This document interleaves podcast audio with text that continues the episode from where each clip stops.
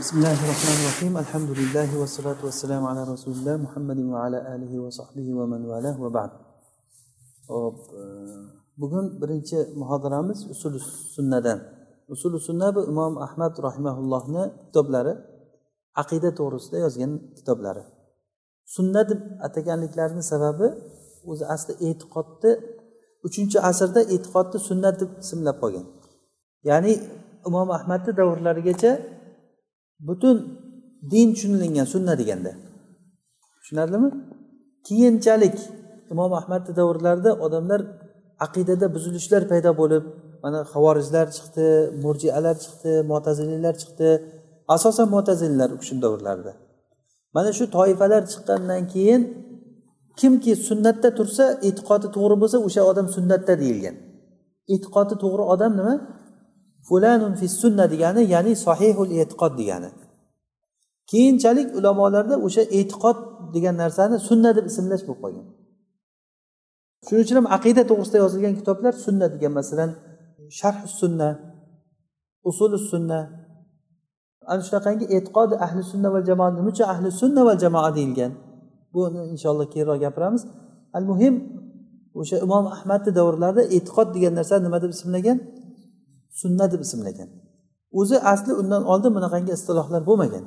Abu hanifa rahimalloh fiq nimasini e, aqidada yozgan kitoblarini nima deb ismlagan? Fiqh akbar degan fiqhul fiqh deb ismlagan. Aqidani fiqh deganlar. Haqiqiy to'g'ri tushuncha u. Ya'ni eng katta tushuncha degani fiqh degani. U kishidan keyin imom ahmadlar aqidadagi kitoblarni sunna deb ismlagan. Shulardan biri usul sunna biz sharhlamoqchi bo'lgan narsamiz. Imom ahmad rahimaulloh va boshqa imomlar kabi abu hanifa ham bu bobdan rahimaulloh va boshqa aimmalar kimki e'tiqod to'g'risida aqida to'g'risida kitob yozgan bo'lsa qisqa qisqa bir matnlar yozishgan. Bu qisqa matnlar bizni aqidamizga va hayotimizdagi kelajakdagi bizni yurishimiz hozirgi kundagi yurishimizga usul vazifasini o'tagan. Asl. Shuni ustida biz aqidamizni quramiz shuni ustida qadam qo'yamiz. mana shu narsani bizga bayon qilgan shulardan birinchisi imom ahmad rahimaullohni birinchi gaplarini bugun sharhlaymiz shu imom rahimaulloh aytadilarki usuli sunnati indana التمسك بما كان عليه أصحاب رسول الله صلى الله عليه وسلم والاقتداء بهم وترك البدع وكل بدعة فهي ضلالة mana shu joy ya'ni bizdagi usuli sunna ya'ni aqidani usullari ya'ni hozir bu yerdagi sunna deganligimiz din ma'nosida butun dinni usullari bizda sahobalar nimada bo'lgan bo'lsa o'sha narsani ushlashligimiz sahobalarni yo'lini tutishligimiz التمسك بما كان عليه أصحاب رسول الله صلى الله عليه وسلم والاقتداء بهم وترك البدع وكل بدعة فهي ضلالة mana shu hozir bu yerda to'rtga bo'lib aytibdi to'rtta faqra qildi Mana shu narsani yodlab olamiz. Ya'ni bizda dinimizni aslisi nima ekan? Sahobalar.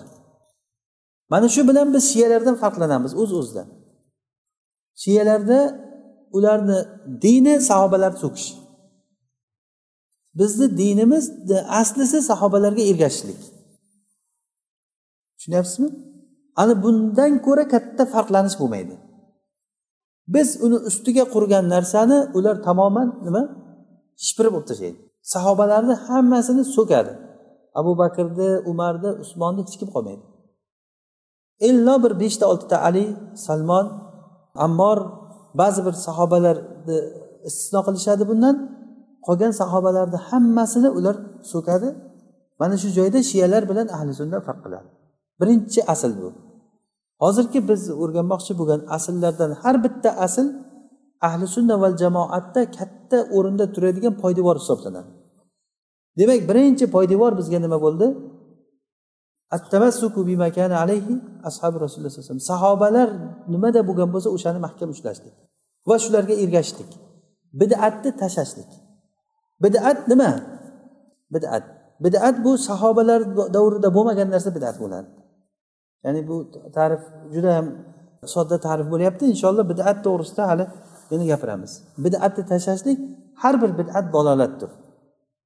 Bu ahli sunna va jamoani yo'lidan emas bid'at. Bidat deganda sahobalarni yo'liga to'g'ri kelmagan narsa bidat bo'ladi. Demak biz dinimizda hozir modomiki dinda yurar ekanmiz. Kimga ergashishimiz kerak? Sahobalarga ergashishimiz kerak. Shayx abu ishoq hafizahulloh mana shu piramida shakliga o'xshatgan. Piramidada boshida rasululloh turibdilar. Rasulullohdan keyin u kishini sahobalari keyin tobeinlar taba tobeinlar kelib kelib kelib kelib hozir oxiri mana bizga keldik. Bir tomoni biz bo'layotgan bo'lsak bir tomoni nususlar kitobi sunnat nususlar ya'ni oyat hadislar. Bu tomonda odamlar. Rasulullohni davridan qancha uzoqlashgan sari odamlardan nususlar nima bo'laveradi? Uzoqlashaveradi o'rtada xilof ko'payib ketaveradi. Qancha uzoqlashgan sari o'rtada xilof ko'payib ketaveradi uni yechimi bitta bir yechimi tepaga chiqish kerak. Siz qanday qilib xilofni kamaytirasiz? Xilofni kamaytirishlik uchun tatlafuq tepaga chiqasan deydi. Mana shu tepaga chiqqan qancha tepaga chiqqan sari masofa nima bo'laveradi?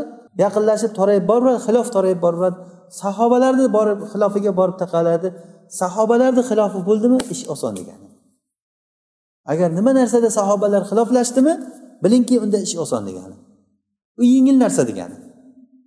Biz sahobalarni ittifoq o'rnida xilof qilib qolmaylik. Ana shundan qo'rqing. Chunki biz dinimizda aslisi nima dedik? Sahobalarga ergashish dedikmi ularni ittifoq qilgan narsasida agar xilof qilib o'tirsangiz u ergashish diningizda asli qolmaydi sizni ana shuning uchun biz hozir eng katta tolib ilmga kattalik foydali gap bu. Mana shu narsa bizga piramida shaklidagi narsa. Bir tomoni odamlar bir tomoni nima? Qur'oni sunnani nususlari. Qanchalik darajada rasulullohdan zamon uzoqlashib ketaversa shunchalik darajada o'rtada xilof masofa uzayib ketaveradi nususlarni tushunishlik shunchalik uzoq bo'lib ketaveradi. Hatto shu darajaga kelib qoldikki qur'onni o'ttiz pora qur'onni yetti ming marta o'n ming marta o'qigan bolalar bor lekin ichidan birorta kalimani tushunmaydi. Mana shunday davrga kelib qoldik. Qur'oni sunnadan shunchalik darajada uzoqlashib ketdik biz. Endi buni o'rtadagi xiloflarni qo'yavering. Paloncha domla pismadoncha domla domlani domlasi ustozlari bobokalonlari ketavergan odam tugamaydi bu o'rtada. To o'sha nususlargacha. Biz agar siz shayxlaringizni aytsangiz men ham shayxlarimni aytaman. Qachon bizni bu nimamiz tugaydi janjalimiz? Ha? Tepaga chiqishimiz kerak. Agar tepaga chiqqan sari xilof kamayib ketaveradi. Mana shu narsa biz uchun eng katta asllardan biri. Bu nima ekan? Bizni dinimizda aslisi nima? Sahobalarga ergashishlik. Va sahobalar nimada bo'lgan bo'lsa o'sha. Chunki bular to'g'risida alloh subhanahu va taolo oyatda nima dedi? Al yawma akmaltu lakum dinakum. Qachon aytdi shu gapni? Hajjatul vadoda sahobalar ichida rasululloh turganda al yawma akmaltu lakum dinakum va atmamtu alaykum ni'mati deganlar deganda alloh taolo ana shu paytdagi ne'matimni komil qildim islom dinini sizlarga din qilib rozi bo'ldim degan paytda sahobalarni qo'lidagi din ana shu din o'sha kundagi. Ana shu kunda bo'lmagan narsa bidat bo'ladi. Shu kunda nimaiki bo'lgan bo'lsa ana shu din bizni aslimiz bo'ladi. Siz agar dinga ergashmoqchi bo'lsangiz agar ollohga din tutmoqchi bo'lsangiz mana shu kundagi o'sha odamlarga ergashing sahobalarga. Va va tarkul bida undan keyingi narsalarni tashlang tarkul bida va kullu bidatin fahiya dalala. Ya'ni imom shofiy rahimaulloh aytganlaridek al ilmu ma kana fihi qala va haddathana va ilm bu unda qola va haddasana bo'lgan narsalar. Qolalloh va qolar rasul. Qolalloh va qolar rasulni kim gapirgan bizga?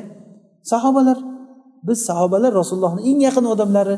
U kishilardan tushunamiz har bir narsani. Undan keyingi xiloflar u kishilardan keyingi narsalar xiloflar kattarib ketaveradi.